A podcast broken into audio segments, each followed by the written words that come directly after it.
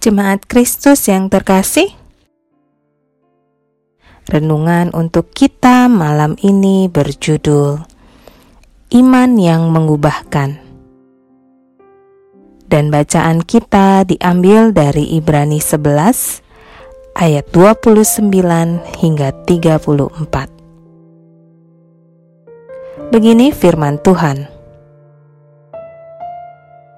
Karena iman, maka mereka telah melintasi Laut Merah, sama seperti melintasi tanah kering. Sedangkan orang-orang Mesir tenggelam ketika mereka mencobanya juga.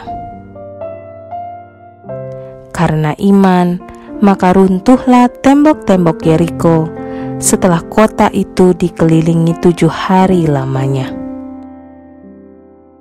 Karena iman, maka Rahab perempuan sundal itu tidak turut binasa bersama-sama dengan orang-orang durhaka karena ia telah menyambut pengintai-pengintai itu dengan baik. Dan apakah lagi yang harus aku sebut? Sebab aku akan kekurangan waktu apabila aku hendak menceritakan tentang Gideon, Barak, Simpson, Yefta, Daud, dan Samuel dan para nabi yang karena iman telah menaklukkan kerajaan-kerajaan, mengamalkan kebenaran, memperoleh apa yang dijanjikan, menutup mulut singa-singa, memadamkan api yang dahsyat. Mereka telah luput dari mata pedang, telah beroleh kekuatan dalam kelemahan, telah menjadi kuat dalam peperangan dan telah memukul mundur pasukan-pasukan tentara asing. Dalam perikop kita saat ini, kalau kita membacanya secara penuh dalam pasal 11, kita akan menemukan beberapa tokoh yang dicatat dalam Alkitab yang disebut memiliki iman. Dari beberapa tokoh tersebut, ada satu tokoh yang menarik untuk kita perhatikan.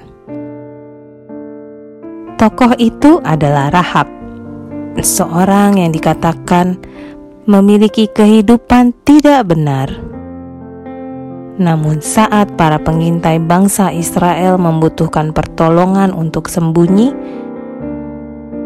ia mengupayakannya dengan baik, sehingga para pengintai tersebut selamat dan dapat menjalankan tugas mereka.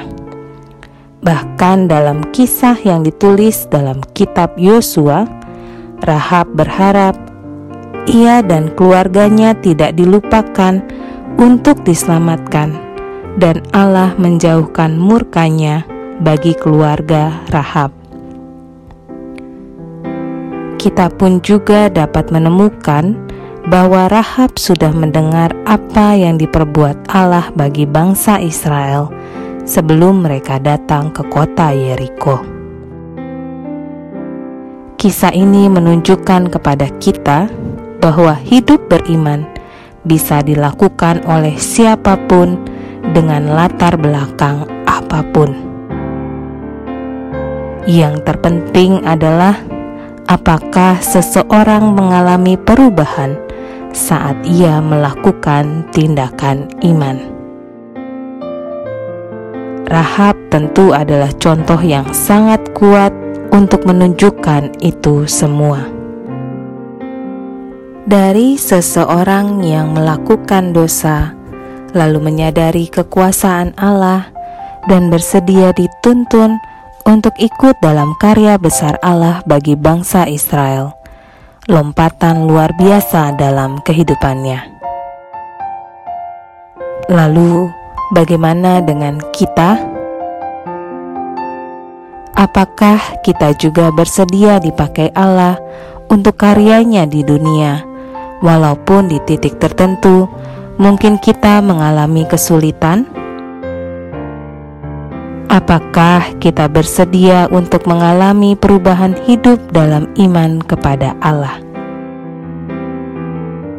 Iman kepada Allah sejatinya akan menuntun kita pada kehidupan yang terus berubah ke arah yang lebih baik, Sambutlah itu dan rayakan itu dengan penuh syukur. Demikianlah renungan malam ini. Semoga damai sejahtera dari Tuhan Yesus Kristus tetap memenuhi hati dan pikiran kita. Amin. Jemaat yang terkasih, mari kita bersatu hati menaikkan pokok-pokok doa yang ada dalam gerakan doa 21 GKI Sarwa Indah. Mari berdoa.